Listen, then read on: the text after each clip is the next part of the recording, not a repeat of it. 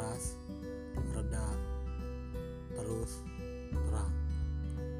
Terus terang di antara kita semua banyak sekali pecinta pencinta novel namun kita malas untuk membacanya.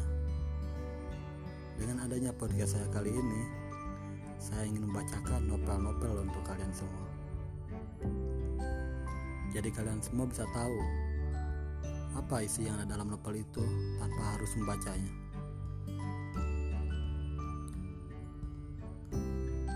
Dan terima kasih buat kalian semua yang sudah mau mendengarkan bacaan-bacaan saya. Semoga bacaan-bacaan saya bisa menghibur teman-teman semuanya.